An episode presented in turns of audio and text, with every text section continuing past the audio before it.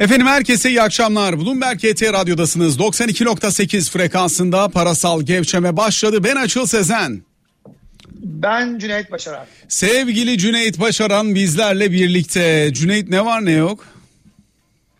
Vallahi Açıl ne olsun. Ee, yağmurlu bir pazartesi gününde e, Covid vakalarının 20 bini aşmasının vermiş olduğu e, endişe değil ama e, sıkıntıyla e, günün şu saatlerini geçiriyoruz. Niye artıyor bu vakalar? Aşılanma oranı yüksek. Ona rağmen artabiliyorlar. E, hani belli ki hastaneye gitme oranı, ölümle sonuçlanma oranı düşük ama mesela bugün e, 22.868 kişiye pozitif e, test, e, tespit edilmiş COVID konusunda ve e, sadece 3 kişi hayatını kaybetmiş bugün itibariyle. 227 kişi de hastaneye gitmiş. Yani bu 227 kişi ve 3 kişi hiçbir sıkıntı yok diyor şey olarak bakıldığında, tarih rakamlara geriye bakıldığında. Ama 22.800 kişi e, aşılama çok hızlı artsa da tekrar İngiltere'de bir Covid e, üçüncü dalganın ciddi ciddi etkilerinin yaşandığını gösteriyor. Şimdi bu hakikaten önemli. Bayağı ciddi sıkıntı var. Çünkü hani bu iş tam oldu bitti yırttık kurtulduk falan derken bayağı ciddi bir e, baskıyı beraberinde getirdi. Birçok e, ülke şu anda İngiltere'den geçişi engelliyor gibi görünüyor. İşte Hong Kong koydu, diğer ülkeler koydu. Avrupa ülkelerinin içerisinde soru işaretleri var. Yavaş yavaş geliyor. Başta İspanya olmak üzere. Bugün İspanyol hisseleri yüzde bir buçuk civarında falan aşağıdaydı. Şimdi kapanışa doğru bütün Avrupa'ya ciddi bir e, baskı geldi. Avrupa'da stok sulaştırma ve konaklama endeksi yani bütün otellerin ve hava yollarının olduğu endeks yüzde dört civarında düşüyor.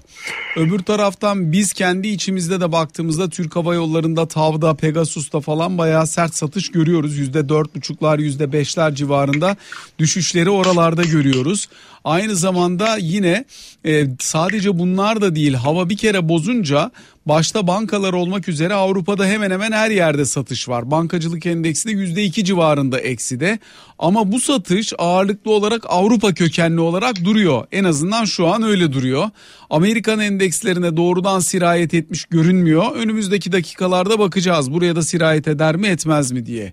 Amerika'da vaka sayısı hala düşük nüfusu oranla hala sağlam kalmaya devam ediyor. Özellikle İngiltere üzerinden Avrupa tarafındaki yansıması biraz daha belirgin gibi duruyor. Ee, evet ama sadece tabii İngiltere değil. Mesela Rusya'da da e, ciddi bir vaka sayısında bir patlama var.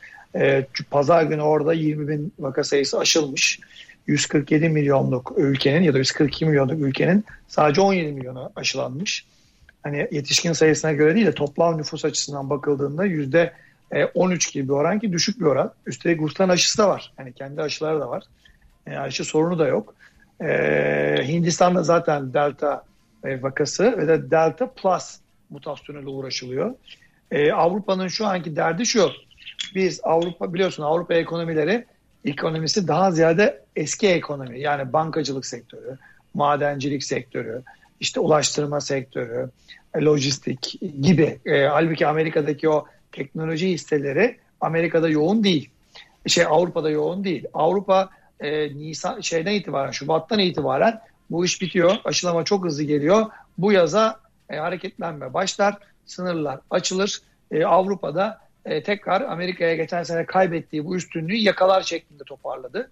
E, hem %4,5-5'lere çıkartılan büyüme oranı hem Avrupa'daki borsaların yılbaşından beri %13'e yakalamasının sebebi buydu. Fakat tekrar bu Covid vakaları böyle bir kabus gibi çökmeye başlayıp işte Portekiz'in İngiltere'den geldiği bir haftalık karantinaya alacağı Belçika'nın, e, İtalya'nın, Hong Kong'un e, açıklanınca tabii mütekabiliyet ilkesi olarak İngiltere aynı şeyleri yapmaya başlayacak. E, dolayısıyla Avrupa için yeniden sıkıntılı günler var. E, hani iyi haber dediğim gibi gerçekten şey düşük. Hastanelik olma, olma oranı ve ölüm oranı ama e, bir şekilde biz bu yazı böyle planlamıyorduk. Yani bütün dünya ve piyasalar, ekonomi piyasaları bu yazı yazın en azından ortasına itibaren daha rahatları diye düşünüyordu. Şimdi o hesaplarda şaşma var. 0212 255 59 20 numaralı telefondayız. Ayrıca WhatsApp üzerinden bizlere 0536 266 81 81 numaralı telefondan ulaşabilirsiniz. Bloomberg KT Radyo, Twitter Live ve YouTube hesaplarından da canlı yayındayız. Oralardan gelen soruları da yanıtlayacağız. Hatta oradan gelen bir soruyu çok hızlıca sorup ondan sonra telefonda Helin bizleri bekliyor galiba ona gideceğiz. Diyor ki Nizamettin Dağdelen ayva çiçek açmış yaz mı gelecek Cüneyt Bey memlekete nasıl gelecek? Nizamettin Bey ağzınızı hayır açın. 16 Temmuz'da e, ölmez kalırsak inşallah sağ kalırsak ve bu Covid vakaları e, daha farklı bir takım şeyler getirmezse iki aşımızı olmuş PCR'ımızda yaptıracak şekilde memlekete geliyoruz. Zaten iki aşımız olduk üzerinden de 14 gün geçti. Bir dakika sen 16'sında mı geliyorsunuz?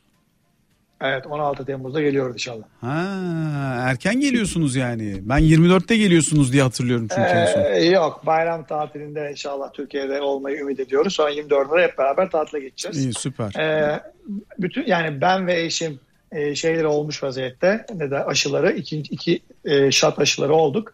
E, üzerine de PCR'ları yaptıracağız geleceğiz ama tabii vaka sayıları bu kadar hızlı artar. 15-20 gün çok uzun süre başka bir takım hem önlemler arttırılır hem sıkıntılı olur bilemiyoruz tabii.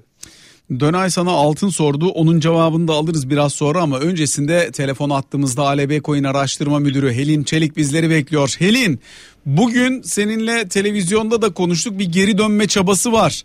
Ama özellikle kripto varlıklarda 30 bini 3 kere zorladık. Bir iki kere aşağı değdik geri geldik değdik geri geldik. Bugün kuvvetli de dönmüş görünüyor ama o dönüş kalıcı bir dönüş mü yoksa hani suyun e, sürekli olarak kayayı aşındıran e, suyun sürekliliğidir, şiddeti değildir. Eğer bir tur daha gelirse o zaman tutar mı buralar? Evet Açıl Bey dediğiniz gibi bugün ikinci kez sizinle e, görüşme yapmış oluyoruz. İyi yayınlar dileyim öncelikle.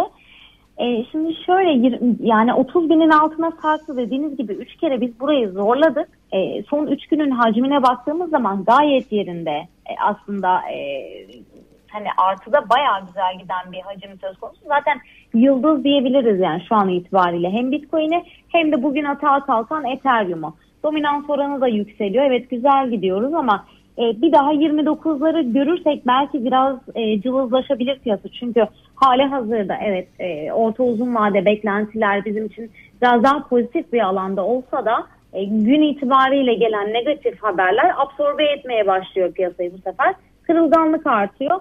E, bu noktada balinalar ve kurumsallar ne kadar tutabilir? Oradan gelecek fonlar da bizim için önemli olacak ama e, 29'ları bir kez daha e, test ederse o zaman biz kademeli 28 bin ve 24 bin 900'leri belki de görebiliriz. E, şu an itibariyle böyle bir risk var mı? Yani 35 bini çok fazla zorladı gün içerisinde ve e, hacmi e, hem de piyasadaki genel algıyı düşünecek olursak e, biraz belki burayı kırarsa 38'lere doğru reaksiyon gelişebilir e, düşüncesindeyiz açıkçası. E, biraz önce bahsettiğimiz yerlere çok e, gelmezse bu sefer iyi olur diye düşünüyoruz. E, diğer açıdan İran kanadından güzel pozitif gelişmeler var. Bildiğiniz gibi madenciler şu an itibariyle hala zor zamanlar geçiriyor ve e, hem cihaz açısından cihazlar ikinci ele düşmüş durumda e, hem bunun satışını yapan firmalar artık ürün satmıyor. Diğer açıdan %75 derecede ucuzlamış bir cihaz durumu söz konusu. Taşınmalar sıkıntı. İran sadece bugün e, 30 tane madencilik firmasına lisans verdiğini açıkladı. İran'ın bu desteği önemli. Onlar da Neden? ne yapacaklarına Çünkü... karar veremediler. Bir yasaklıyorlar, bir şey veriyorlar, izin veriyorlar. Nasıl oluyor o iş? Aslında şöyle Açıl Bey, e, şimdi Eylül'ü e, 22-23 e, Eylül'e kadar zorunlu bir yasak söz konusuydu. Buradaki yasaklama biz yapmayalım, bu işi e, bırakalım artık döngüsünde değil. Daha ziyade elektrik kesintileri ve ev elektriğinin kullanılmaması yönünde alınacak olan aksiyonlar yüzünden bu yasağa gitmişti. Yoksa e, İran madenciliği çok fazla önemsiyor ve e, bir ölçüde destekliyor. Hatta Merkez Bankası taahhüt veriyor Bitcoin'inizi alacağız diye. Bunu da e, kendi ticaretinde kullanıyor. Yani biraz ambargoların etrafından dolaşmak için yaptığı bir hamle.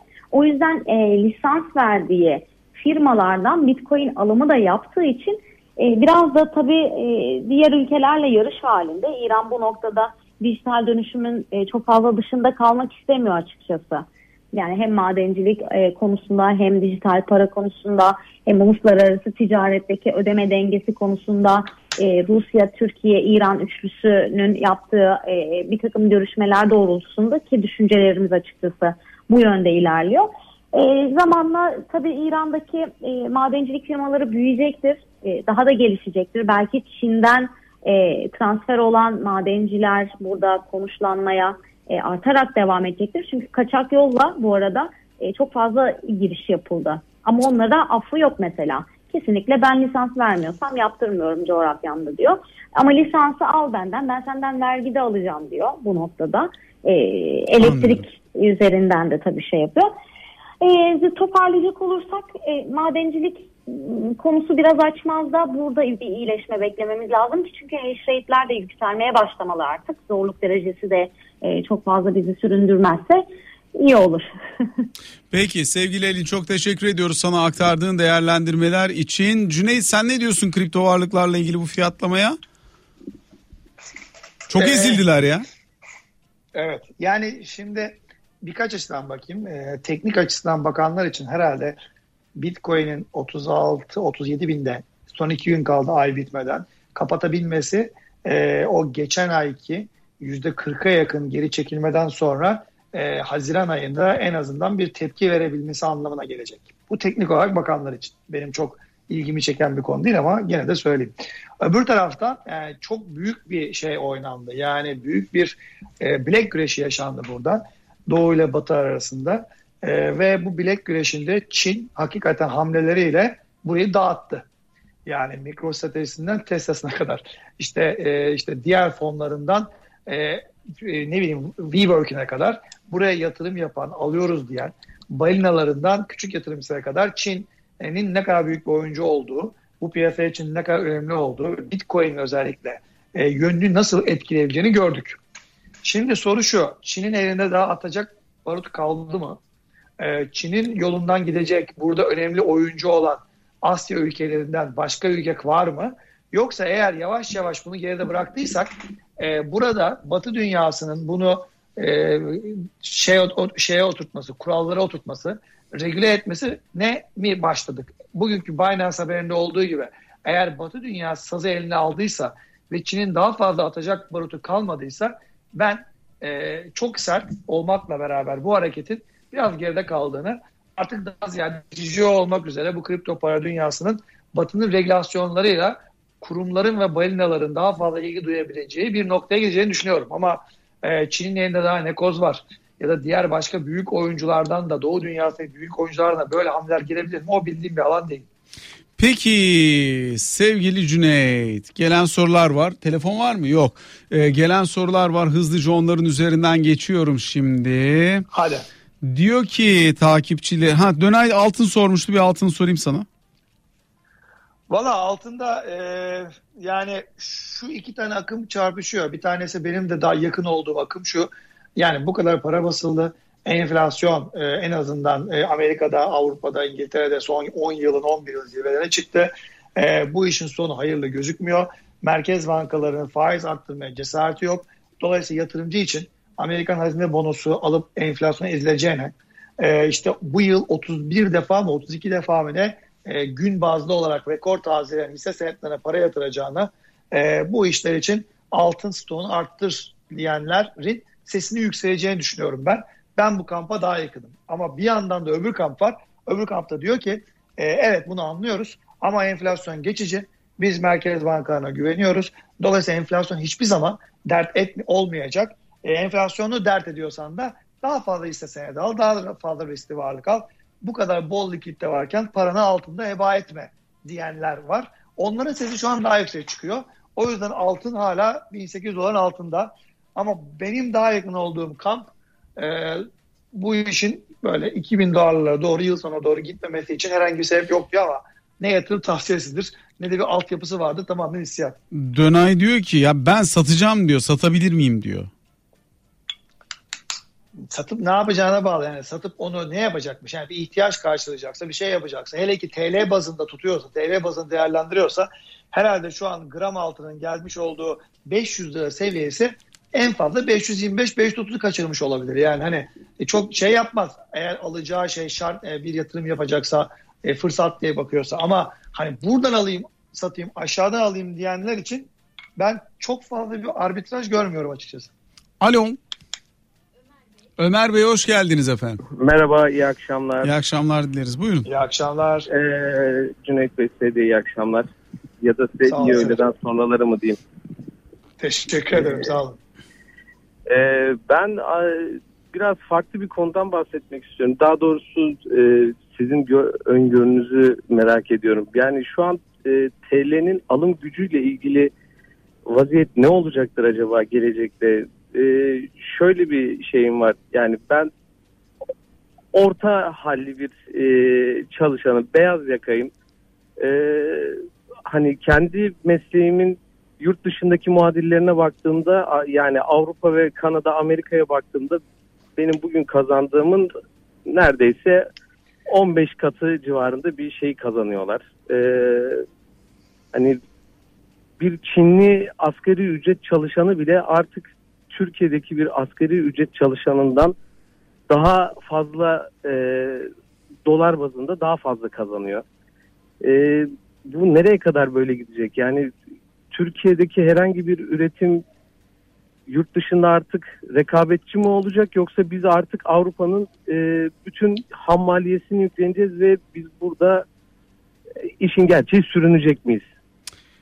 Peki güzel soru. Hemen hemen her haftada buna benzer bir soruyla karşılaşıyoruz. Türk lirasının değer kaybının bizi ne kadar fakirleştirdiğini ve e, özellikle bize benzer ülkelerle aramızdaki makasın ne kadar açıldığını soruyor. Dinleyicimiz ne dersin Cüneyt? Ya bu konu tabii yani e, biraz önce beyefendi kendisi söyledi ya ben bir beyaz yakalıyım muhtemelen de iyi bir iş de vardır. E, ama hani benim aldığım rakamla yurt dışına alınan rakam arasında 10 kat üzerinde fark var diyor. Şimdi iki tane resim var burada. Bir resim şu. Türkiye e, mesela İngiltere'de bir beyaz yakalının alması gereken hizmetler için ödemesi gereken para 100 ise Avrupa'da aynı hizmetleri Türkiye'de almak isteyen birisinin ödeyeceği rakam bunun yaklaşık %35 %40 aşağısında. Dolayısıyla hani kurdan bağımsız olarak bakıldığında e, yeme, içme, seyahat, o bu vesaire gibi e, kira dahil e, hizmetlerin toplamında harcanan paradan %30-35-40'a yakın Türkiye'de daha düşük para harcanıyor. Ama yani arkadaş iyi de ben sürekli yani Edirne, Hakkari sınırları içerisinde değilim ki yani ben bir düzenim var. Yılda iki defa yurt dışına çıkarım. İşte çocuğum mesela oku, üniversite çağına geldi yurt dışına okumaya göstereceğim ya da benim e, yurt dışından ithal ettiğim e, bazı aldığım servisler var, hizmetler var dediğiniz an hikaye yanıyor. Orada sen o işleri buradan 2-3 sene öncesine kadar rahatlıkla maaşın içerisinden yapabilecekken şimdi artık sana değil maaşın bir bonus falan gerekiyor. Yani bir yerden bir ikramiye falan gelecek de öyle tatile çıkacağız noktasına geliyor. Bu tabii çok şey bir şey değil, kabul edilebilir bir şey değil. Yani Türkiye sen Avrupalılar daha ucuz e, ürünü alsınlar bir de Çin'in işte Çin'den kilometrelerce uzaktan ürün bekleyeceklerine hemen Türkiye'de ürün gitsin diye bekleyen milyonların yaşamak yaşayacağı bir ülke değil. Yani evet imalat üstü olalım eyvallah. Evet kompetitif olalım, rekabetçi olalım. Hakikaten ülkemiz bu anlamda öne çıksın. O da eyvallah. Ama bu rekabetçiliği sürekli döviz kurunu değersizleştirerek düşük maliyetle, iş, iş maliyetiyle sağlamayalım bir zahmet. Yani bir rekabetçilik sağlayacaksak ürettiğimiz ürünle e, öne çıkmaya çalışalım. E, beyin göçünü durdurarak içeride daha iyi bir entelijensiye oluşturarak sağlayalım. E, işte daha e, farklı bir akıl koyarak bazı alanlara nasıl Tayland mesela e, şeyde e, çift konusunda şey oldu, üs oldu. Sen de bu ülke olarak siyaseti öne koy, aklı öne koy. Bazı alanlarda bütün gücünü birleştir ol. Yoksa sürekli hani ihracatımız 200 oldu, hura 250 oldu, hura ama yurt dışına tatile çıkamıyoruz ya da yurt dışına gitmek artık bir bizim için hayal oldu. Çok katlanılabilir bir şey değil yani. Hatıralar hayal oldu diyorsun. Aynen. Peki dolar soruları gelmeye devam ediyor. Şimdi bak bir takipçimiz senin de hemşerin diyor ki e, birincisi Ağustos ayında faiz indirimi bekler misin? Eğer diyor Hayır. şöyle bir senaryo nasıl geliyor kulağına diyor. Temmuz'da pas geçti. Ağustos, Eylül, Ekim, Kasım, Aralık toplam 5 ayda 100'er bas puan faiz indirip yılı 14 faizle kapatabilir mi Merkez Bankası? Ne dersin? Yok kapatamaz. Yani şu an benim görebildiğim e, senaryoda böyle bir şey önünde açık değil. Yani şöyle açık değil. E, atıyorum kurun hakikaten buradan çok daha fazla bir seviyeye yükselmesini göze alabiliyorsa kur yükselince ister istemez enflasyonda da birkaç tur daha gelip e, tekrar baskı almasını göze al, alıyor ise üstelik ya Rusya, Macaristan, Brezilya, e, işte Çekoslovakya e, artık Çekya oranın adı. Çekya faiz arttırırken düzenli olarak 20 hangi... yılda bir isim değiştiriyor memleket. Şimdi Çekya mı en son? Çekoslovakya'dan Çek Cumhuriyeti'ne, Çek Cumhuriyeti'nden Çekya'ya. Yakında sadece Çek kalacaklar. Bayağı kısa kısa bir yer oldular. Neyse o ülke dahil herkes faiz arttırdığı bir dönemde dünyada enflasyonun bütün dünyada yükseldiği dönemde sen hangi beklentiyle bu faizleri düşürüyorsun sorusuna bir e, siyasal olmanın yanında ekonomik olarak bir cevap veremeyecek veremiyorlarsa ve bir faiz indirimi öngörmek mümkün değil. Olursa ne olur? Yani Ağustos bir de muhtemelen Fed'in sıkılaşmaya başlayacağı falan dönem ya oralar biraz daha sıkıntılı kaşıntılı olabilir yani. Ya açıl yani şu andan öngöremediğimiz ama mesela dış politikada çok önemli kırılımlar olmuş. Örnek Amerika Türkiye ile hani gayet şeyli günler yaşanırken, çalkantılı günler yaşanırken işte ticaret anlaşması, serbest ticaret anlaşması yapalım diye bir şeyler bahsetmiş. Atıyorum. Avrupa demiş ki bu mülteci e, o şey vardı ya e, daha e, mülteci konusunda yeni bir anlaşma yapacaktık ya. Gümrük birliğini revize ediyoruz. Masaya getirdik. Üstelik şöyle de bir işte şey jest yaptık demiş. Misal. Yani bu tür gelişmelerle eğer bu yanına güçlendirilebilecekse e, o zaman belki gideri olur. Ama dış politikada ya da iç politikada.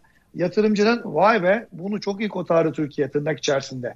Ya da bu hakikaten bir iki sene bu oyunda değişiklik yaratabilir denilebilecek bir ekonomik anlamda bir hikaye olmazsa para politikasının mevcut enflasyonla ve yurt dışındaki enflasyonist gelişmelerle bu faiz indirimini yapabilmesi mümkün değil bence.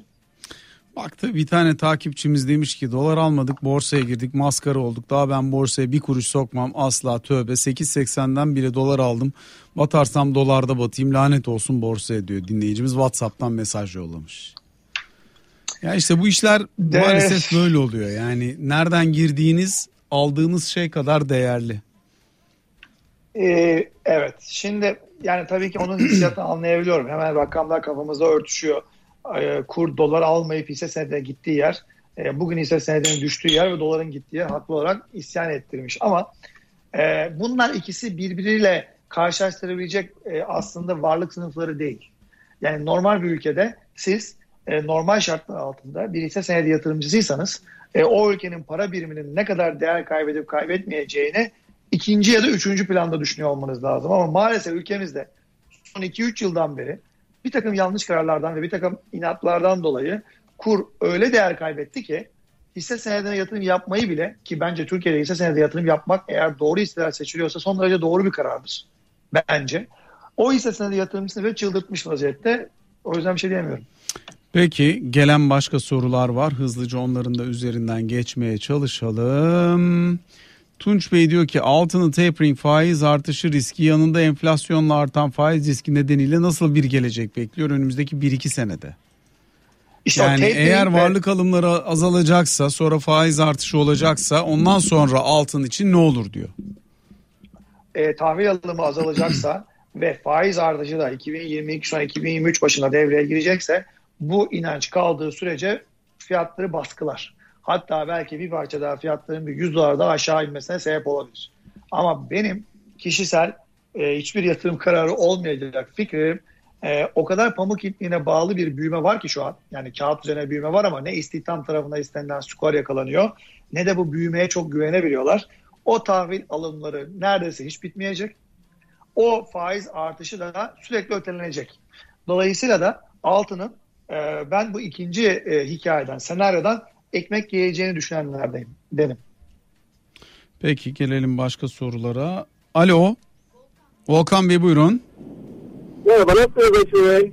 Çok teşekkürler. Siz nasılsınız? Sağ olun teşekkürler. Ara ara ben size hep arıyorum. Şu satma problemi borsada hep sizden gelen bilgilerle alan kişiyim ben. Bir de kripto kazan adamım. Arada sırada size hep arıyorum. Ben yine satmadım duruyor ve çok diplerden aldığım için birçok kağıdım hala zarar değil. Ama tabii ki kardan zararlarım var. E, o günlerden bugüne ne kadar geçti? Bir buçuk iki ay oldu. Öyle şeyler oldu ki dünyada. Yani e, ikinci dalga, üçüncü dalga, e, dünya ülkelerinin e, enflasyon açıklamaları hiç alışıla gelmemiş şeyler.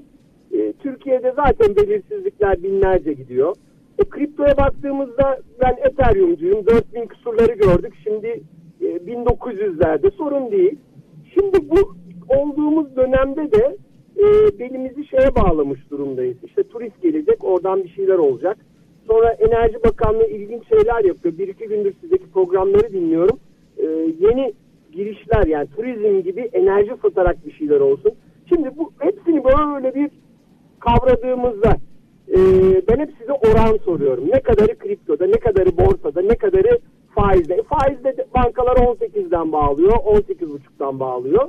E, bu yeni durumda ne yaparsınız? Elimizde güzel bir para var. Şimdi o yatırım var. danışmanlığına girer. Biz ona o şekliyle bir Peki, portföy ağırlıklandırması yapamayız. Ama Cüneyt size bu varlık sınıflarının her biriyle ilgili kendi düşüncesini aktarabilir ayrıca. Siz olur, oradan olur. kendi kararınızı verirsiniz. Yüzde, yüzde alıyordum. Tabii tabii Cüneyt Bey'den yani ne görüyor, ne patlamayacak veya her şey aslında çok de, böyle alt üst üst alt oldu şu dönem.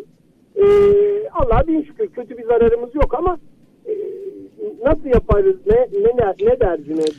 Cüneyt ben sana bu soruyu biraz değiştirip şöyle sorayım mı? Sen eski bir trader'sın, hisse, hisseci değilsin, hazinecisin ama eski bir trader'sın.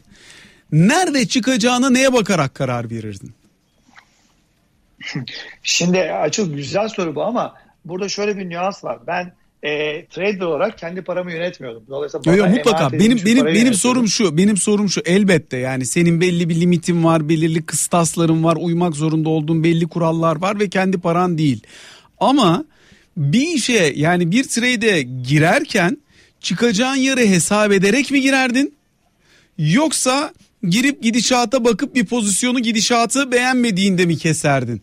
Kolu nerede kesersin mesela? Bir de traderlıktan sonra kendi paranı yönetmeye başladığın zaman mesela oradaki marjın ne kadar değişti? Şimdi trader e, uzun vadeli olamaz. Onun ismi hani daha uzun vadesi fon yöneticisi falan olabilir. İşte emeklilik fonu yönetiyordur vesaire falan filan belki. Ama trader zaten e, daha kısa e, soluklu bakmak zorundasın. E, herhangi bir ülke mesela diyelim ki İngiltere'de Türkiye masasına bakıyorsun ama yanında işte Macaristan var, Polonya var vesaire falan var. Bir bakıyorsun ki diğer ülkelerde bir hareketlenme var. Türkiye bu hareketi ayak sağlayabilir mi diye bakıyorsun. Evet. Ne sağlayabilir kişi, mi? Hani birkaç rapor okuyor. Yani buna ayak uydurabilir mi? Yani bu hikaye Türkiye'de katılabilir mi? Diyelim mesela dünyada reflasyon trade'i var değil mi? Nedir reflasyon hikayesi? Reflation İngilizcesi. O şu. Bol likitte var. Toparlama geliyor ve e, şeyler, teşvikler ve e, hibeler devam edecek. Enflasyon var ama canımızı sıkmayacak. Şimdi normal şartlar altında Türkiye'nin bu işten ekmek yemesi lazım. Yani bu hikaye Türkiye'ye inanılmaz güzel yarayacak bir hikaye. Çünkü düşük faiz demek Türkiye için artı betalı yani betası yüksek bir ülke için harika bir pazar. E toparlama geliyorsa Türkiye'nin imalat sanayi yüksek. Bu işten mutlaka ekmek yemesi lazım. E teşvikler, hibeler devam edecekse Türkiye kendi veremese bile dünyadaki hibelerden ya imalat sanayiyle ya hizmetler sektörüyle mutlaka alacağını alır. Ben trader olsam böyle bir konjonktürde Türkiye'ye mutlaka pay ayırırım. E artık Covid'le de mücadelede iyi çıkartmış. Öyle de böyle biraz sekteye uğrasa da arada. Fakat gelmiyor para ülkeye. Niye gelmiyor? Çünkü bunların ötesinde bazı hatalar yapıldı. E işte bir Londra ile ve New York'la e, bilek güreşine girildi. İnat oldu. İşte o bilek kırılacak, bükülecek dendi. Ondan sonra tekrar bir konuşalım edelim, aynı sayfaya gelelim dedik. Belli bir miktar bir derdimizi anlattık. Hop yöneticiler değişti, Merkez Bankası değişti. Yeniden bir şey oldu. E, maalesef şu benim anlattığım hikaye şu an Londra'da hani hangi trader'ı çevirsen normalde evet Türkiye bu işlerden ekmek yer diyebileceğin adamlar şu an ne diyorlar? Türkiye mesela frontier listeye girmeye başladı. Yani artık emerging market'ten de aklına gelen ilk 10 ülke değil de sürpriz ülke. Neresi olur da sürpriz Öncül ülke dediğimiz ülkelerden yani. Öncül ülke aynen. Ya iyi bir şey değil ama öncül akla yani öyle geliyor ama aslında aslında soncul ülke. onlar yani. E, evet o noktaya gelmeye başladı. Likitte azalmaya başladı. Hakkında rapor yazılmamaya başlandı. Yazılan raporlar böyle böyle ama tabii Türkiye'de bugünden yarına ne olur, kara kurallar nasıl değişir bilemiyoruz şeklinde cümleler bitmeye başladı. Dolayısıyla bunlar negatif. Halbuki dünyadaki ortam Türkiye'nin jeopolitik konumu, stratejik pozisyonlanması e, bu işten çok sağlam e, ekmek yiyebilecek bir noktada. O yüzden de o beyefendinin sorusuna verilen cevap. Ben hisse senedinde hele ki yani dolar bazında bu seviyeye gelmiş hisse senetlerinde nihayetinde EBITDA'sı, EBITDA yaratan, e, ihracata dayalı çalışan ya da işte dinamikleri güçlü olan şirketlerin e, buralardan portföyden çıkartılmasına gönlüm el vermez. Ama tradersam yapamam, yapabileceğim bir şey yok. Mecburen çıkartırım. Çünkü belli bir takım kurallara uymak zorundayım. Ama kendi portföyümü yönetiyor olsam ya da uzun vadeli yatırımcı olsam ona çok e, gönlüm el vermez. Fakat Türkiye hisse senedi hakkında olumlu olurum o anlamda belli bir orana kadar. E, %19'luk 18'lik faiz beğenilmiyor ama e, tamam e, stopaj çıkartıldıktan sonra bir şey kalmıyor. Ama stopaj yok ki şu anda. Evet stopajın %5 olduğunu düşünerek hatta olmadığı düşünerek uzun vadede onu da mesela belli bir payla tutarım. Hisse senediyle yan yana koyarım. E, fakat yani Türkiye bacağını tamamıyla doldurmayıp portföyünü geri kalan bacakta da ya Türkiye'den bağımsız olarak dünyada gelişmelere ayak uydurabilecek neler alabilirim? İşte mesela enflasyondan korkuyorsam bir parça altın. Mesela beyefendinin söylediği gibi Covid sonrası dünyada fiyat, e, para kalmayacak. Kripto paralar blockchain gidecek diyorsa bir parça kripto para. Mesela Türkiye'yi koyduktan sonra hisse senediyle ve e, tahville koyduktan sonra mesela işte Amerikalı teknoloji hisseleri burada durmayacak.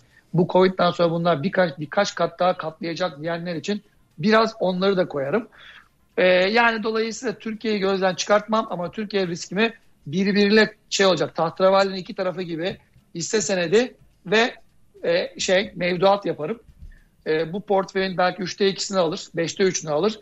Kalanı da Türkiye dışındaki bu gelişmelere nasıl ayak uydurabilirim? Oralardan nasıl ben de istifade ederim diye bu parçalara bölerdim. Peki 0212 255 59 20 numaralı telefondayız. Bir kısa araya gidelim. 4 ee, dakika. O arada yine YouTube'dan gelen sorular var, Twitter'dan gelen sorular var. Onları yanıtlayalım. Sonrasında sizlerden gelecek telefonlarla birlikte yeniden karşınızda olalım. Tekrar sizlerle birlikteyiz efendim. Bloomberg KT Radyo'dasınız. 92.8 frekansında parasal gevşeme devam ediyor. Ben Açıl Sezen. Ben Cüneyt Başaran. Sevgili Cüneyt Başaran'la sohbetimize kaldığımız yerden devam ediyoruz. Diyor ki Marco Polo rumuzlu takipçimiz e, YouTube üzerinden yazdığı yorumda enflasyonu düşürdüler ama o günkü konjonktürde buna yardımcı oldu. Bugün neden düşmüyor enflasyon burada? Çünkü bugünkü konjonktür hiç yardımcı değil birincisi ama tek sebep o değil tabii. Ee, yani o günkü konjonktürde 2000'in başından 2008'e kadar olan noktada dünyada hakikaten enflasyonun düştüğü, bol likitlerin olduğu, e, Çin'in devreye girmesiyle e, özellikle son derece ucuz Çin ürünleri bütün dünyaya kapladığı için küresel olarak da enflasyon aşağı geldiği, dolayısıyla likitlerin, bol likitlerin milletin başına dert olmadığı bir dönemde Türkiye'de doğru politikalar uyguluyordu. Hem ekonomide, mali politikalarda hem para politikasında faiz indirimini siyasal bir e, sebeple değil, mümkün olduğunca e, piyasayla beraber gidiyordu. E, o yüzden hani Türkiye böyle bir kombinasyonda faizleri de aşağı indirebildi. Enflasyon da aşağı geldi. Fakat sonra hem dilimiz değişti, hem e, yoğurt yeme tarzımız değişti, hem dünya o konjonktürden çıkıp başka bir konjonktüre geçti. Yani ne dışarısı ne içerisi şu an o 2001-2008 arasındaki döneme benzemiyor. Ee, bir soru daha var. Serkan Bey diyor ki abi aşk oldum. Aşk bile pahalı burada diyor.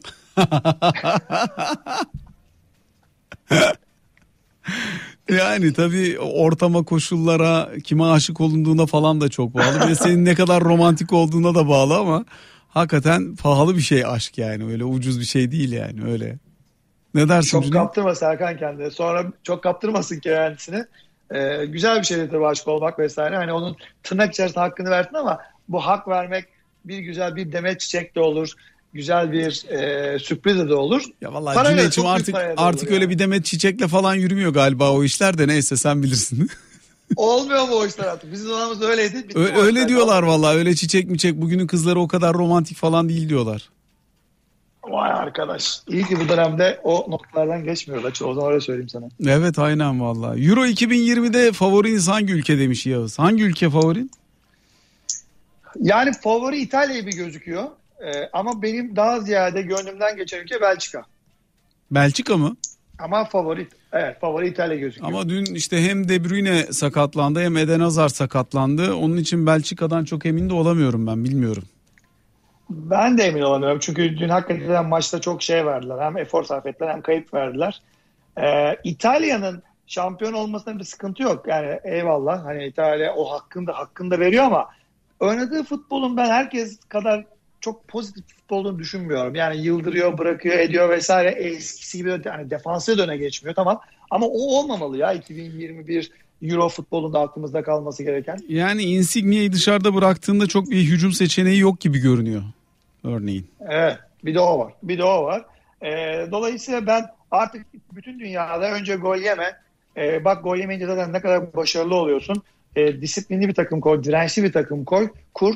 Zaten bulduğun fırsatları yerine değerlendirecek bir iki tane akıllı oyuncun varsa kimse senin önüne geçemez hikayesi. Çok ekmek yedirdi. Eyvallah ama ben futboldan soğudum yani. Kendi adıma o yüzden daha ziyade Belçika'nın öne geçmesi istiyorum ama e, şeyler ihtimalle İtalya'ya da daha yakın tabii. Alo. Yusuf Bey hoş geldiniz. Buyurunuz. Hoş bulduk. Ben hem size hem Cüneyt Bey'e bir sorum olacaktı. Kurlarla ilgili. Ya Naci Bey dönüm ben de banka sektöründe çalışıyorum da e, kurlarda Naci Bey ile beraber şunu hissediyorduk. Bir kemikleşmiş bir kadromuz vardı. Onlar yavaşça bir çözülmeye başlamıştı. Yani insanlar mevduatını yavaş yavaş e, TL'ye dönüyorlardı. E, ama sonradan bu kemikleşmiş kadro son dönemde göktaşına dönmüş gibi. Ve görüyoruz yani tsunami gibi geliyorlar. Hiç binde iki komisyona bakmıyorlar. Kambiyo muamele vergisine marja. E, bu sorunu çözmeden bir şeyleri başarabilir miyiz? Siz ne düşünüyorsunuz merak ediyorum. Ne dersin Cüneyt? Ee, zor başarmamız. Beyefendinin söylediği gibi yani içeride 250 milyar dolar mı oldu toplam kurumlar artı şey? Yaklaşık. Ee, o 250 milyar dolara yaklaşan o döviz e, rezerv şey döviz mevduatı ki toplam mevduatların %52-53'üne ulaştı galiba. Yani bu rakamlarda erime görmeden, bu rakamların çözülmeye başladığını görmeden kalıcı bir şekilde kurun aşağı geleceğini ya da artık kurdaki yükselişin sona erdiğini söylemek kolay değil. Ama ben beyefendiye bir yerde katılmıyorum. Geçen sefer de Naci Ağbal döneminde de yani Kasım ayında başlayan o dönemde de Kasım, Aralık, Ocak hatta Şubat'a kadar biz sadece yabancı girişi gördük. Yerli hep yabancının girişini aldı. Yani evvela yabancı orada aktif oldu. İlk 2-3 ay yabancı sattı, yerli aldı. Yabancı sattı, yerli aldı. Şubat'tan itibaren hem yabancı sattı hem yerli satmaya başladı. Maalesef zaten Mart'ın 3. haftasında bitti bu hikaye. Dolayısıyla tekrar bir dönüş olacaksa e, dönüş yine yabancıdan gelecek. Yani yabancı tarafına dikkat etmek lazım. Ama dönüşün kalıcılığını yabancı değil yerli belli edecek. Peki bakalım başka başka neler var. Musab Çelen Hırvatistan İspanya maçında 12 korner oynadım. 12 korner çok mu demiş. Bir maçtan 12 korner bekliyorum çok mu? Hırvatistan ne maçı? İspanya. Olur ya 12 korner. İki tarafta e, hani açık oynuyor. Her iki Yalnız bak 12 korner 12, 12, 12 korner 12 dediği, korner bir maç için çok tabii de. Çok tabii yani az değil yani. Olmaz evet. diyemeyiz de çok yani. Bir bakmak lazım daha önceki maçlarında kaç korner oldu falan diye. Bangladeş, Brezilya, Güney Afrika, Hindistan, Nepal ve Sri Lanka'dan gelen uçuşlar 1 Temmuz 2021 tarihinde alan karara göre yeni bir karar alıncaya kadar durdurulmuş. Türkiye için mi? Bu haberi biliyor muydun? Evet. Evet. Şimdi okudum. Biliyor muyduk bu haberi? Ben yeni gördüm? Biliyorduk şeyde vardı. Sabahki açıklamada vardı diye hatırlıyorum ben. Tamam peki. Ama e, İngiltere çok kritik. İngiltere kritik. İngiltere için e, bugün hatta sosyal medyada paylaştım. E, çift aşı ve PCR şart olmalı. Hatta hani gerekirse yeniden bir bir haftalık e, karantinada konulabilir. E, Rusya için de şart olmalı. Yani şu an İngiltere'den pek Türkiye'ye gelinemiyor biliyorsun. Kolay değil yani. Hani geliyorsun da dönüşü çok sıkıntılı olduğu için pek öyle bir akım yok. Ama Rusya'dan e, yüklü miktarda turist geliyor şu an. E, Rusya, İngiltere her iki ülkeden de ilk şartın çift aşı ve PCR olması lazım. Hatta gerekirse bence Türkiye kendini korumak için sonbahardan sonra yeniden başına dert almamak için e, yeniden bir haftalık bir karantinaya da getirebilir yani. Diyorsun. E getirir mesela şimdi sen İngiltere şey olsan Türkiye kırmızı listeden Amber'e düşse İngiltere için tamam mı? Ben Türkiye'den dönüşte buraya e, bir haftalık karantinaya uygulayacaklar bana. 10 günlük hatta. Ha 5. günde ekstra PCR testi uygulayarak çıkabilirim. Aynı şartlar istenebilir Türkiye içinde. Ama şu da var. E, çift eğer İngiltere diyor ki eğer bu Covid iyice işleri bozmazsa delta virüsü bundan sonra diyor amber listeden bir ülkeden geliyorsanız biz orada değiliz Türkiye olarak maalesef ama Avrupa'nın tamamı amber liste. Çift aşılıysan diyor karantina uygulamadan gelebilirsin diyor. Dolayısıyla bu hikayeyi aşı artı PCR e, belirleyecek. Bizim de İngiltere dahil sıkıntılı ülkeler için bu zorunluluğu getirmemiz lazım bence. Evet. Dicdan diyor ki Londra'da delta varyantı kaynaklı aşılarda da ölümler olmuş. Orada ne konuşuluyor? E, aşı karşıtlığı var mı Londra'da? İngiltere'de ya da? Çok yok ya. Daha beter, daha korkunç söyleyeyim. Yani daha korkuluyordu böyle olacağı konusunda. Mesela demin sen de baktık rakamlara bir daha bakalım. Şu an İngiltere'de e, uygulanan toplam aşı sayısı ne kadar biliyor musun? 44 milyon birinci doz, 32 milyon da ikinci doz olmak üzere kabaca 76 milyon 76 milyon doz aşı uygulanmış. Yetişkinlerin %84'ü birinci doz aşısını almış. Yetişkinlerin %62'si de iki doz aşı almış. Dolayısıyla e, yani aşağı indikçe bir parça şey oluyor. Ama hani burası e, birçok ülkeye göre e, karşıtlık konusunda iyi çıkarttı. Baştan korkuttu bizi protestolar falan oldu ama ee, yani aşı bence dünyada aşı karşıtlığı çok yüksek gitmiyor. Bilmiyorum ne diyorsun? Mesela Rusya'da gidiyormuş. Yani Rusya'nın aşısı olmasına rağmen, kendi aşısı olmasına rağmen sonuçta Sinovac değil mi? Yok şey Sputnik, Sputnik. 5 onların aşısı. Sputnik 5 aşısı Sputnik. onların. O aşıya yani kendi aşısına rağmen e, aşı olmasına rağmen %16'larda kalan toplam nüfus üzerine %16'larda kalan aşı oranı aşısızlıktan değil yani orada ciddi bir restans varmış. Lefter Pulat demiş ki emtia fiyatlarında sadece altın değil demir ve sanayi ürünler özellikle navlun fiyatlarında düşüş ne zaman olur sizce?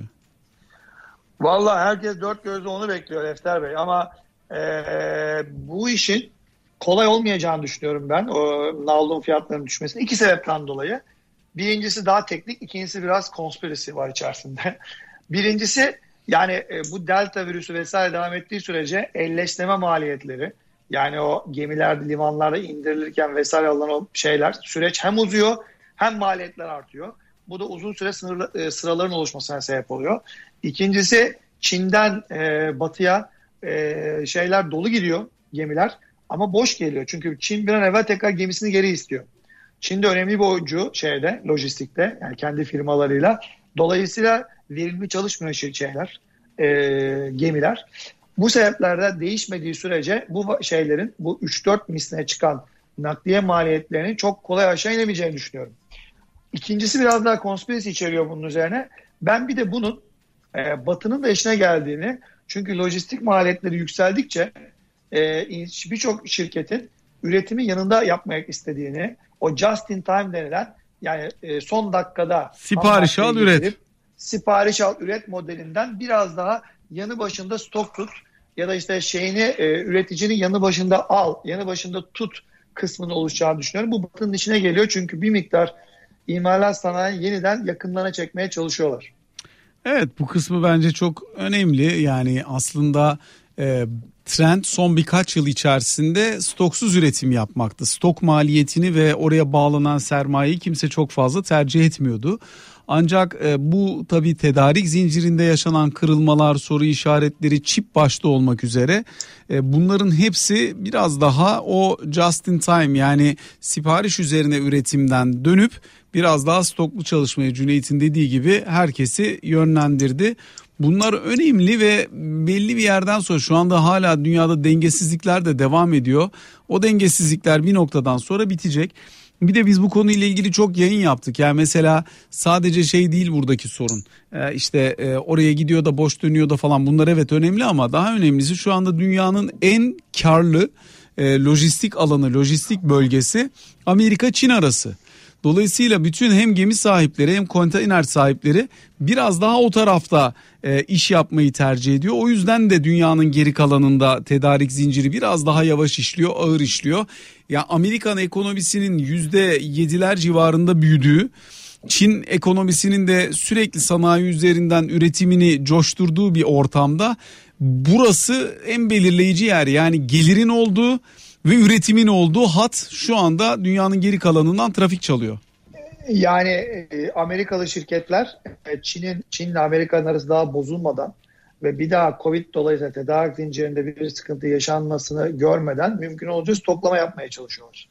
E, o zaten daha fazla e, şeye ihtiyaç duyduruyor konteynera ya da işte e, gemiye.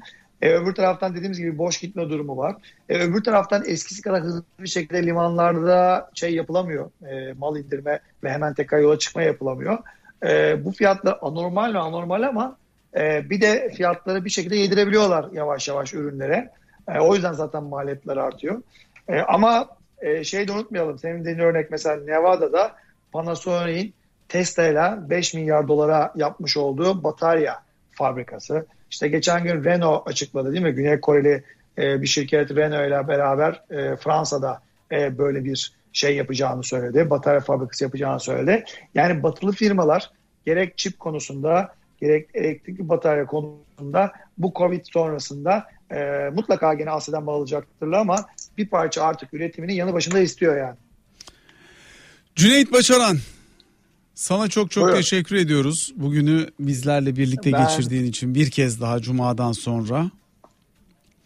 Ben teşekkür ederim. Bu çok da soruya cevap verdik. Umarım faydalı olmuştur. Gerçekten öyle. Cuma ne kadar geyik yapıp kendi gençliğimizden şarkılar paylaştıysak bugün o kadar piyasa odaklı gitmeye çalıştık. Cuma da herkesin bayağı bir şeyini çekmiş, ilgisini çekmişiz. Bayağı dönüş geldi bana. Öyle mi? Evden geldi mi mesela terlik falan kafana girer girmez?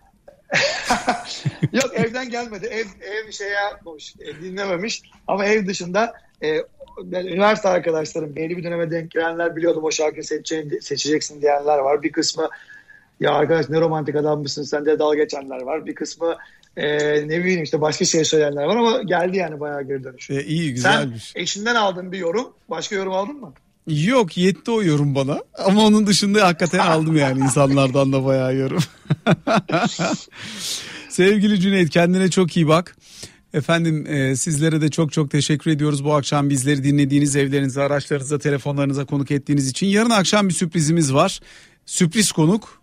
Bakalım kim yarın akşam görürsünüz. Hoşçakalın.